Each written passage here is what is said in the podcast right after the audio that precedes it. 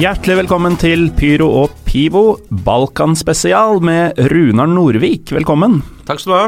Eh, ingen eh, pils som ble åpna i introen i dag, men i dag, eh, i anledning eh, tema, så skåler vi heller i Slivovica. Skål. Skål. Eller Živjeli, som de sier. Živeli. Jeg tenkte ikke over at eh, når vi drikker samtidig, så blir det litt sånn død, eh, dødtid på lytterne. Det kan bli mye dødtid med andre ord gjennom- gjennom podkasten. Men eh, Runar, du eh, er jo, eh, eller har i hvert fall tidligere vært kjent eh, blant Twitter-brukere som selveste Balkanfabrikken. Eh, Du har studert området og språket, og du har også bodd i det gamle Jugoslavia ved flere anledninger. Eh, Hva er det med, med Balkan som er så spesielt? Eh, nei, for min del så startet det med en voldsom fascinasjon for en region som i mine øyne er eh, kanskje Europas mest intense og pulserende region, på godt og vondt. Eh, samtidig den regionen som eh, jeg vil tro de fleste vesteuropeere spesielt har flest fordommer mot. Eh, noen eh, av disse fordommene eh, har på en måte regionen gjort seg fortjent til, mens andre er eh, fryktelig malplassert. Og summa summarum så er utvilsomt kanskje spesielt Bosnia og Serbia to land som har et utgangspunkt ganske dårlig rykte i de fleste vesteuropees øyne, men som er to juveler av noen land, både med tanke på fotball og kultur og eh, gemytt og joviale mennesker. De har vel eh, ganske dårlig rykte i hverandres øyne også, akkurat de to. Det har de for så vidt, men samtidig, det er jo et paradoks, men, eh, men det er samtidig en form for brødrefolk som står hverandre nær på så fryktelig mange områder at uh, at det er mye mer som forener disse landene enn det er som, som skiller de. Det er litt morsomt. Jeg har vært i eh, noen av disse landene, også noen av landene i området rundt. Altså Bosnia, Serbia, Kroatia, Tyrkia, Bulgaria. Og det er jo veldig mye, sånn, eh, veldig mye nasjonal stolthet i alle disse landene. Og veldig mye 'vi er fantastiske, de andre er drittsekker', nærmest. Og når man reiser litt rundt, så har du altså Det er så mye som er likt, da. Eh, kaffen, f.eks. Det avhenger av hvilket land du drar til, hvorvidt den samme kaffen heter tyrkisk kaffe, gresk kaffe, bosnisk kaffe. Eh, maten også. Uh, veldig mye språk. Så det er jo uh, ironisk, nærmest, at de kommer så dårlig overens i perioder, når det er så mye likhet. Ja, og så er det jo interessant at opphavet til mange av disse disse motsetningene Altså, det, det er gjerne et felles opphav. De har, de har veldig mye felles historie. Uh, fulgt samme vei, vært okkupert av ottomanere, vært influert av, eh, av Østerrike og Ungarn, eh, vært eh, preget av eh, 45 års kommunistisk styre. Så det er så utrolig mye ved historie, og både i gammel tid og ny tid, som, eh, som forener, og som gjør at de har på mange måter det samme kulturelle bakteppet, men, men likevel, i hverandres øyne, så fremstår de som veldig, veldig forskjellige, og betraktet utenfra så blir, fortoner det seg veldig merkelig. Eh, og sånn autoriteten du er eh, i Norge, i hvert fall på dette området, så har du tidvis blitt brukt av norske klubber som både speider og litt sånn alt mulig mann. og nå er du jo eh, ansatt som mediesjef i FK Haugesund. Eh, tilfeldigvis den klubben i Norge som ser mest til Balkan. Eh, hva kom først her av høna og egget? Uh, ja, Uh, nei, det, det uh, Jeg var bakom først? Eh, FK Haugesund var vel kanskje den klubben som først rettet blikket mot Balkan og hadde stor suksess med et par av importene sine derifra. Eh, og, og siden dess så har klubben hatt, eh, hatt eh, et godt øye til den regionen, av flere grunner. Uh, og så er det sånn at det er ikke alle, alle spillerne de har hentet til Haugesund som har slått til, men, men, men jevnt over så representerer spillerne på Balkan mange av de kvalitetene som man ønsker å supplere en spillergruppe i Norge med. Uh, og så når, så når da uh, FK Haugesund ble oppmerksom på at det satt en nordmann på den tiden i Oslo, og, og eh, ja, hadde et stort kontaktnett der nede, så tok de kontakt med meg for å for å bistå de i utsilling av spillere og den slags. Og på den måten så ble de kjent med meg, og så ville skjebnen at jeg faktisk flytta til Haugesund etter noen år, og så Og så, ja, og så intensiverte vi vel egentlig på mange måter samarbeid, og til slutt så ble jeg ansatt i klubben. Jeg likte nok en litt annen funksjon, men jeg bistår selvfølgelig klubben på, på akkurat dette feltet når, når, det er behov for det. Uh, og når det er snakk om å hente spillere fra Balkan til, uh, til Norge, altså jeg er uh, igjen, som lytterne har fått med seg, Lillestrøm-fan. Uh, og jeg har uh, veldig forkjærlighet for Balkan og skal gjerne ønske flere sånne spillere til uh, Norge, og det bugner jo av talent der nede. Hvordan, hvordan, velger man de riktige? Altså, hvordan ser man at disse har tippeliganivået, samtidig som andre klubber ser at disse har Juventus-nivået, f.eks.? Hvordan velger du det riktige til tippeligaen? Uh, ja, uh, det handler litt da, Du må nyansere det litt i forhold til hvilket land i det gamle Rest-Jugoslavia du tar utgangspunkt i. Uh, hvis man f.eks.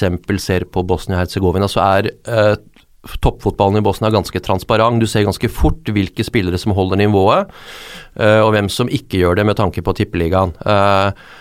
Og så er de gjerne representanter for en fotballkultur hvor majoriteten av spillerne ikke er kompatible med norsk eh, fotball i utgangspunktet. Du må kanskje gjøre regning med å måtte jobbe veldig mye med det å få de til å ta returløp og ja, eh, ting som vi er opptatt av i norsk fotball, eh, men ikke fullt så gira på der nede.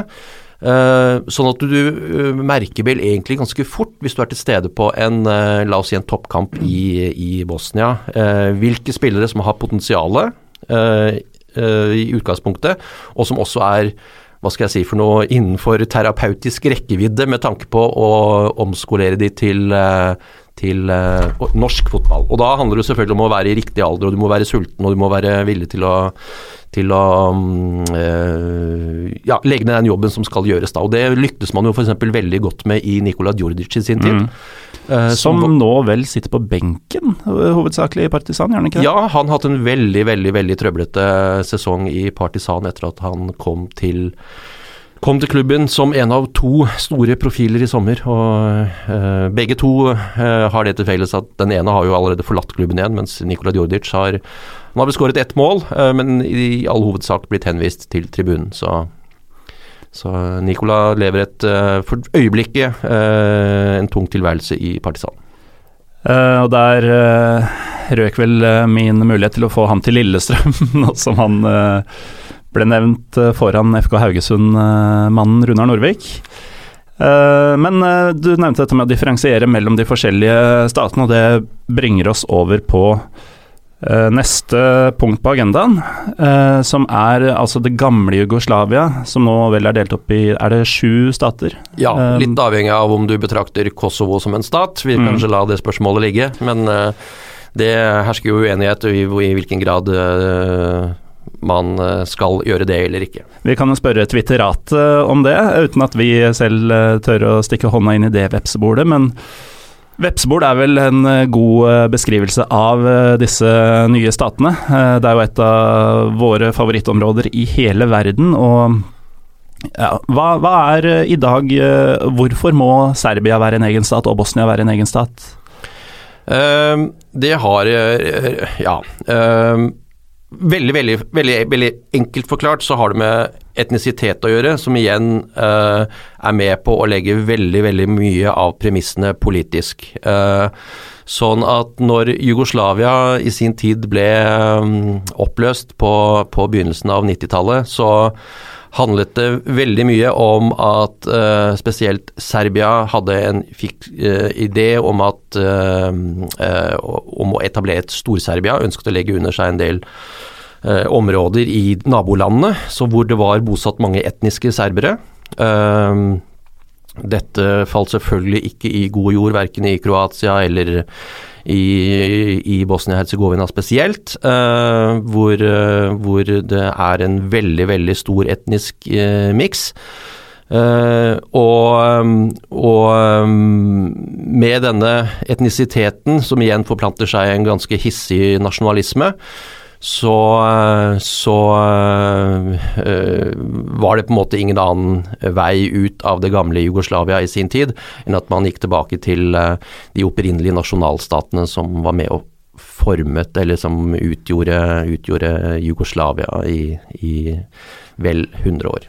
Eh, med det som bakteppe, så tenk, For det utrente øyet, så er jo Kroatia, Bosnia-Hercegovina, Serbia det samme eh, for mange her til lands. Eh, hva er Altså, tilbake til fotballen. Hva er de største fotballmessige ulikhetene mellom ja, disse tre landene, f.eks.? De største fotballmessige ulikhetene eh, vi kan ta utgangspunkt i Kroatia og Serbia, som i all hovedsak uh, er land som består av uh, Kroatia består i all hovedsak av etniske kroater. Uh, igjen, det er nyanser her.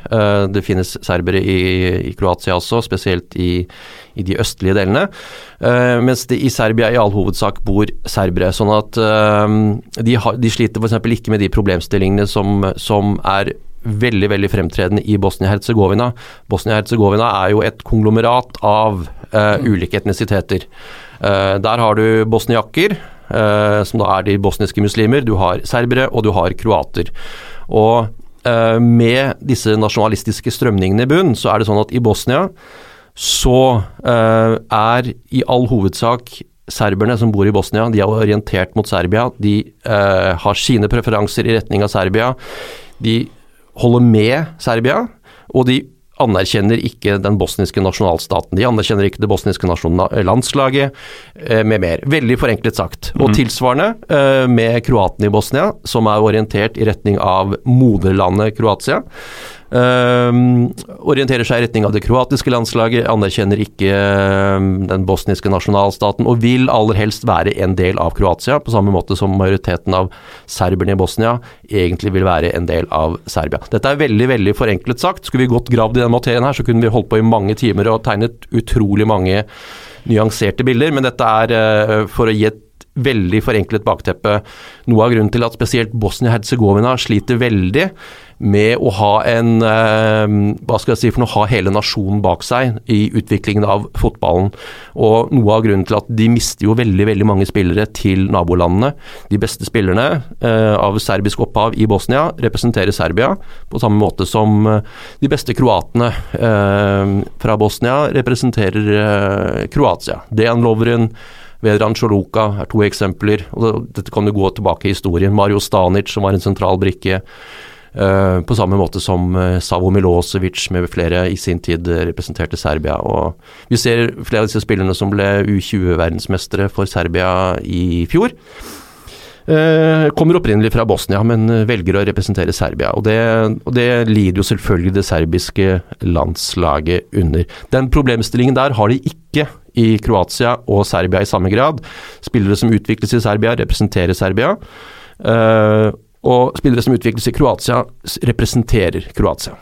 Og det blir jo eh, på mange måter eh, dette komplekse landet Bosnia-Hercegovina som blir eh, hovedtema i denne episoden. Altså, for eh, lyttere som ikke kjenner så godt til det, så er jo nasjonen Bosnia-Hercegovina delt inn i delstatene Bosnia-Hercegovina og Republika Serbska. Uh, og Man hører jo på sistnevnte at det er ikke hovedsakelig uh, bosniere der. Uh, nå er jo Sarajevo hovedstad i hele landet, men Republika Serbska har vel også utnevnt Banja Luka som sin egen hovedstad. Hvordan funker dette? Altså kort fortalt så fungerer det ikke i det hele tatt politiske nivået i Republika Serbska ønsker jo eh, å distansere seg mest mulig fra eh, nasjonalstaten Bosnia-Hercegovina. Det er i deres interesse å signalisere for omverdenen at Bosnia-Hercegovina ikke er en fungerende nasjonalstat, slik at de på en måte får legitimitet for å kunne løsrive seg. Og presidenten i, i Republika Serbska, Milorad Dodik, truer hele tiden med å å gjennomføre en folkeavstemning for å sette i gang en prosess som har til hensikt å få Republika Serbska til å løsrive seg fra Bosnia-Hercegovina. Nå tror jeg ikke det er en realitet, fordi det finnes ikke internasjonal aksept for det. Eh, men, men det sier noe om at eh, det ligger i de fleste politikeres eh, interesse, og de representerer da i all hovedsak etniske grupperinger i Bosnia. og blokkere nesten ethvert initiativ som er egnet til å få um, landet Bosnia-Hercegovina opp og frem og videreutvikle landet, uh, inkludert fotballen.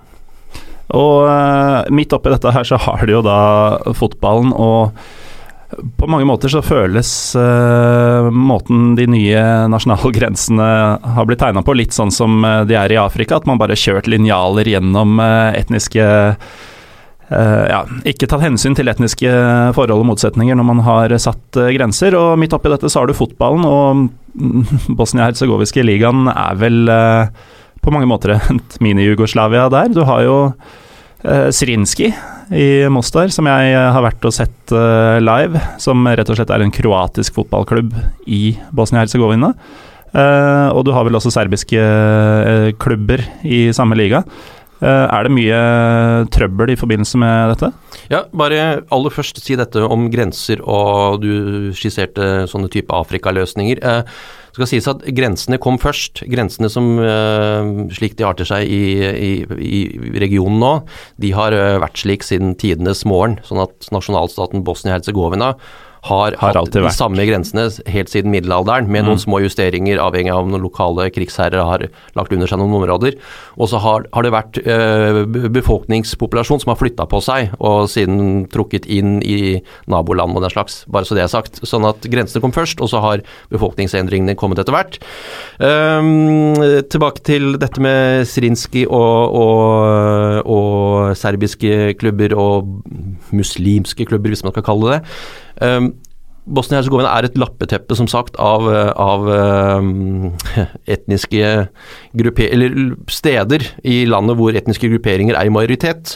Uh, hvis vi sier det litt enkelt, så er det i all hovedsak kroat, kroater helt uh, vest i uh, landet, på grensen til Kroatia.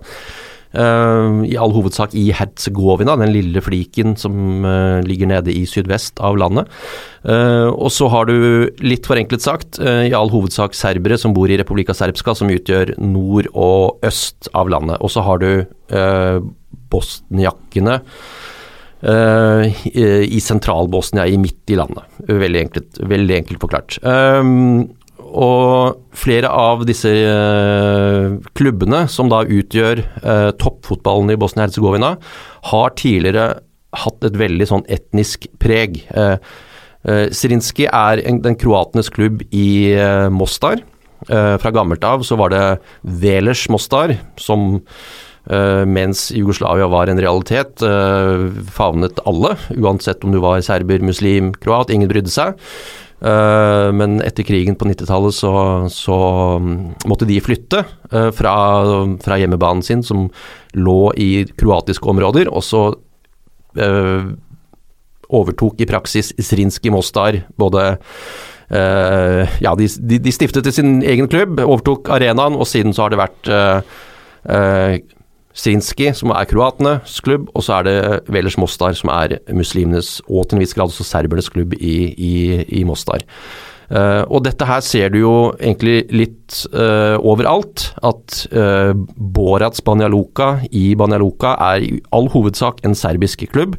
Slavia Sarajevo, som holder til i den uh, Republika Serbska-delen av Sarajevo. Det er en liten flik av Sarajevo som ligger i Republika Serbska.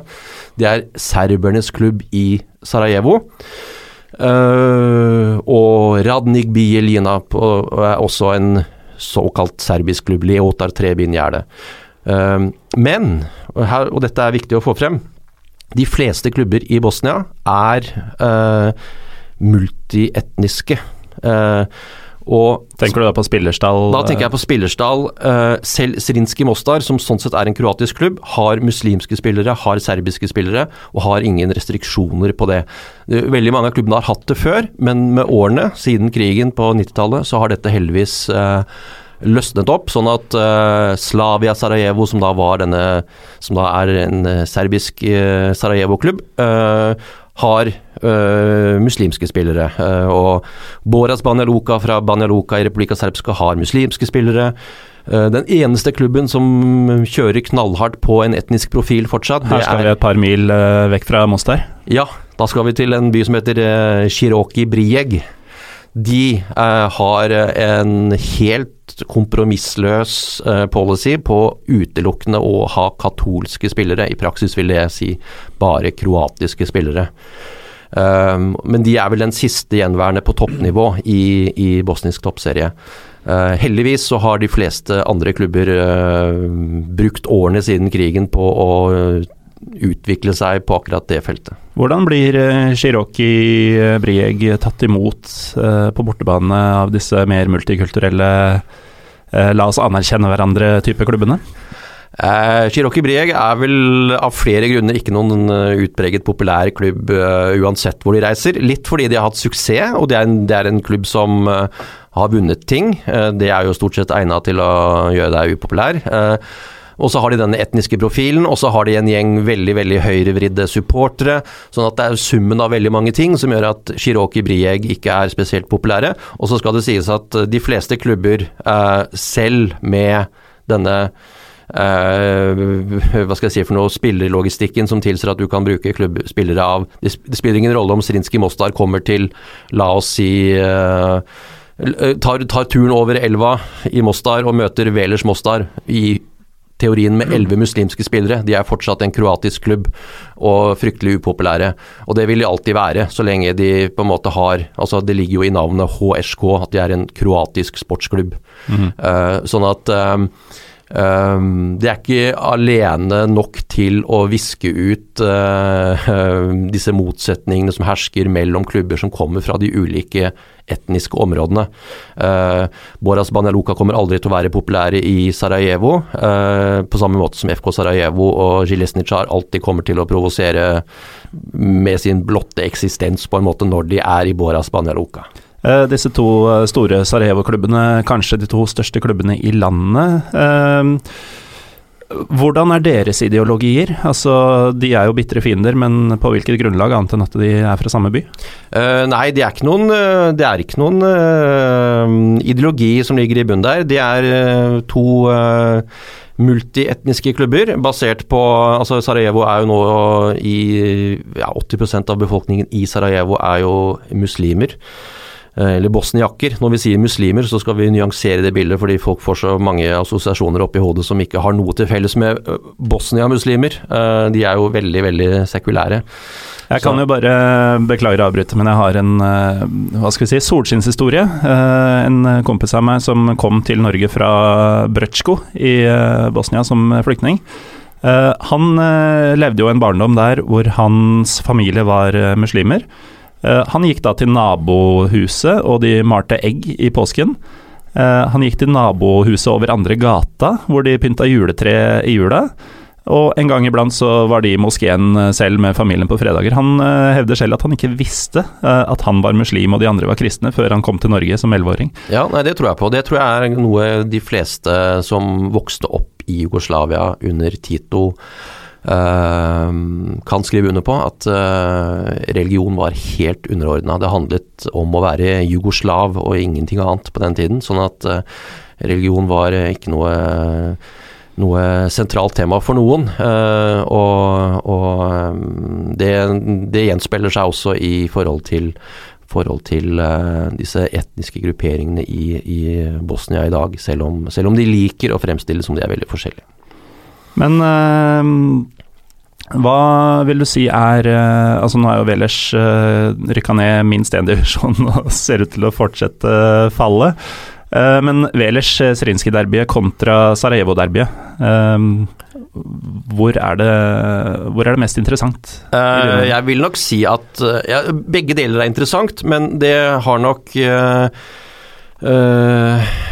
mer form av en krigssone når Velers og Srinski møtes. Jeg har vært på tre eller fire lokalderbyer i, i Mostar. Uh, alle har Og det er noen år siden jeg var der sist, og jeg har fått inntrykk av at det har roet seg litt med tanke på, på bråk i sentrum før kamper.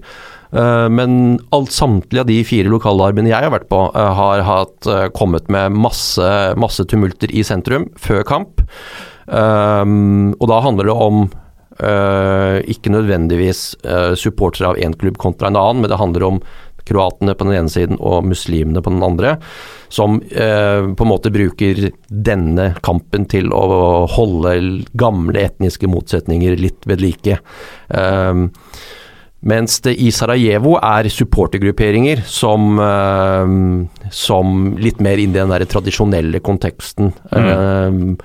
Uh, ja, er rivalene, da, og det arter seg vel mer i form av at Uh, motsetning kommer til uttrykk utafor stadion, inne på stadion. og så I hverdagen så er man uh, vel forlikt. Så det, um, det, er nok mye mer uh, dramaturgi knytta til et Mostar-derby sånn sett, selv om, selv om, det har roet seg heldigvis akkurat på det feltet der. Jeg har fått jeg har fått eh, den tvilsomme gleden av å være med spillebussen til Velers Mostar gjennom um, uh, Gjennom disse boligområdene du må gjennom for å komme til Srinskis hjemmebane. Velers Mostars gamle hjemmebane, Bieli Brieg. Um, og da hagla det med alt mulig rart. Takstein, potteplanter, alt fra, fra, balkongene på disse boligblokkene vi passerte. Så da var det bare å legge seg ned på gulvet og håpe at rutene holdt. Uh, det nærmeste jeg har kommet nå, det var vel jeg fikk en yuccapalme eller noe sånt nå i knollen for noen år siden. Eller noe rododendro eller et eller annet. Det kan man vel leve med gitt omstendighetene? Ja, det, da slipper man billig unna, vil jeg påstå. Eh, jeg har jo vært på um, ett stadion i Bosnia-Hercegovina. Det er det du nevnte nå, Bieli Breg. Jeg var på bortetribunen av uh, forskjellige årsaker. De toalettfasilitetene er uh, noe av det verre jeg har vært borti uh, på mine fotballreiser.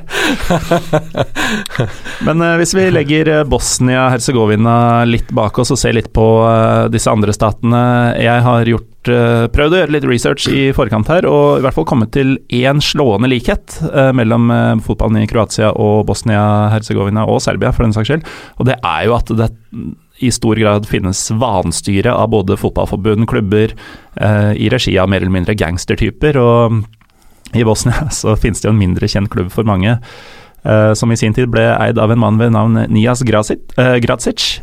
Kan du ikke fortelle litt om uh, han og uh, dette lille eventyret, om du kan kalle det det? Ja, nei altså Det mangler jo ikke på eksentriske uh, klubbeiere, eller klubbpresidenter, i, i, i, disse landene. I Bosnia så um, er nok den mest uh, spektakulære uh, presidenten i uh, FK Olympic Sarajevo, den minste av Sarajevo-klubbene i toppdivisjonen i Bosnia. Uh, Nias Grasic er en steinrik uh, forretningsmann som uh, spyttet inn masse penger i denne lille klubben. fikk de oppover i divisjonene og fikk de opp i toppen av bosnisk fotball. Utfordringen med Olympic Sarajevo er at de har ingen supportere. De ble stiftet under krigen, 1993. Derav navnet Olympic Sarajevo. Så har de henta navnet sitt fra olympiaden i sin tid. Hvordan stifter man en klubb i Sarajevo mens byen er beleira? De gjør det på trass.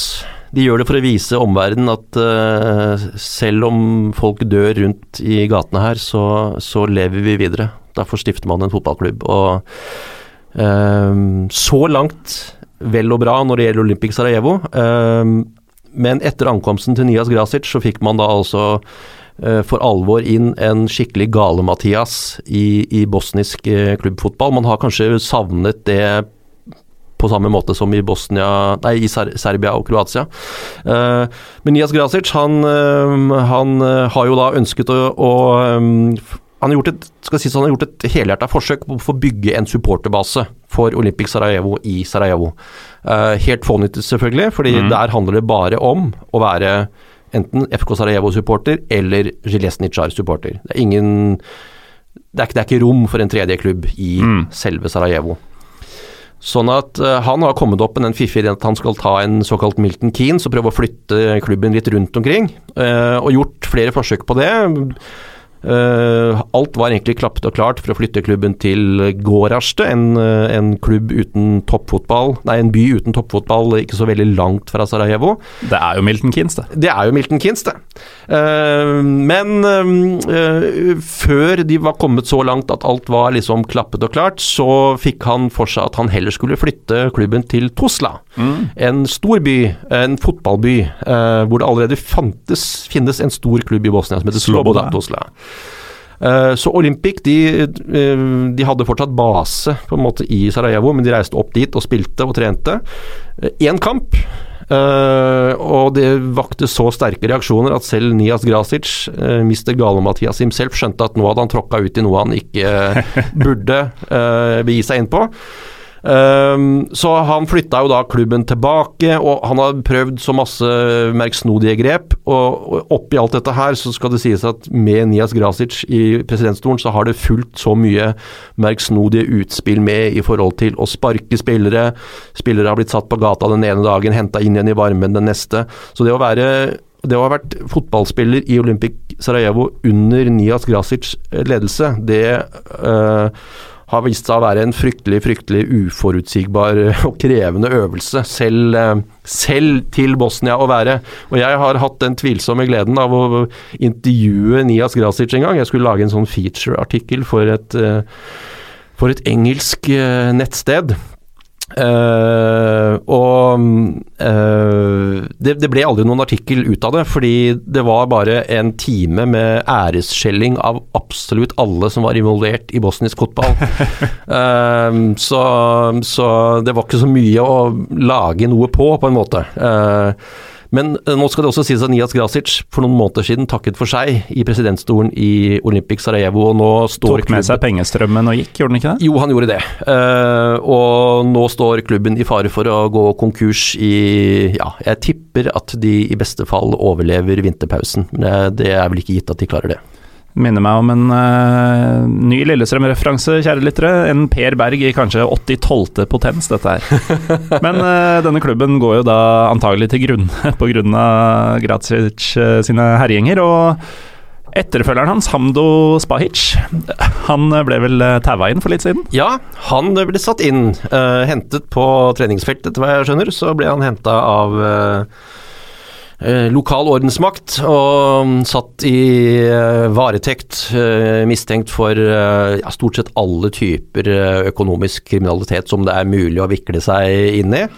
Ble løslatt for kort tid siden, men med alle anklager fortsatt hengende over seg. Sånn at det virker vel kanskje da som om Olympic Sarajevo har gått fra en tvilsom karakter i sjefsstolen til, til en annen. Fra asken til ilden der, altså. Uh, men uh, nå har jeg et spørsmål på blokka her, uh, som vel på mange måter allerede er besvart på mange mulige måter. Men veien videre her Spørsmålet var i utgangspunktet hvorfor lykkes ikke disse klubbene internasjonalt? Vi har vel vært innom dårlige valg på de fleste områder og vanskelige politiske forhold, men hvor mener du skoen trykker mest? Ja, den, den, øh, det, er, det, er, så enkelt som at det ikke er øh, økonomiske forutsetninger i noen av disse landene for egentlig å lykkes. Uh, tar du Serbia uh, som uh, Tar du Serbia og Bosnia-Hercegovina, så er, er det altfor vanskelig for de store klubbene å generere nok penger til å kunne hamle opp med utenlandske klubber som uh, henter alle de beste spillerne. Du har ikke mulighet til å konkurrere om å holde på spillere. I det gamle Jugoslavia så var det jo sånne uh, restriksjoner på at man måtte være 27 år før man kunne reise utenlands. Da kunne du holde på spillerne og bygge, bygge lag. Uh, nå forsvinner jo enhver som har et fnugg av talent utenlands, for en slikk og ingenting, mm. så snart du har lært deg å trikse til ti. Um, og det er altså ingen økonomiske forutsetninger for å kunne komp uh, å, å konkurrere uh, med utenlandske klubber for klubber fra den regionen. Uh, de eneste som til en viss grad hevder seg, er Dinamo Zagreb. Um, og, og, og, slo, og, disse slovenske klubbene, eller spesielt Maribor, da, som har uh, litt bedre økonomiske forutsetninger, uh, og som lever i en hjemlig økonomi som uh, gir bedre grobunn for mm. å ikke bare hevde seg nasjonalt, men også internasjonalt. og Det er det som er utfordringen. Røde Stjerne og Partisan de er fortsatt store nok til å være fullstendig dominerende i Serbia. Men økonomien hjemme i Serbia, og det skulle drifte en klubb hjemme i Serbia, og er tillater rett og slett ikke at du kan ha spillere uh, på lønningslista som er gode nok til å også hevde seg ute i Europa. De forsvinner ut med en eneste gang de er attraktive for, uh, for utlandet.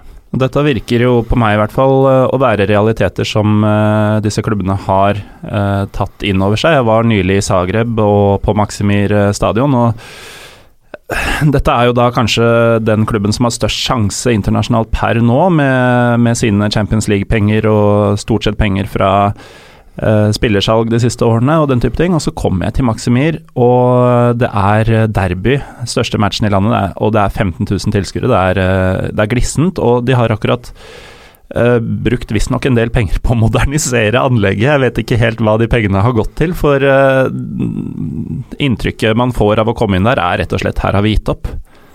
Ja, nå skal det sies at Dinamo Zagreb de er i en særstilling. Uh, hvis du rangerer klubbene i regionen, så troner Dinamo Zagreb så suverent på førsteplass hva gjelder økonomiske muskler og albuerom, sammenlignet med andre lag i regionen at du kan begynne å snakke om liksom, Og så kan vi bare ta fast forward ned til plass nummer 20, og så kommer neste klubb.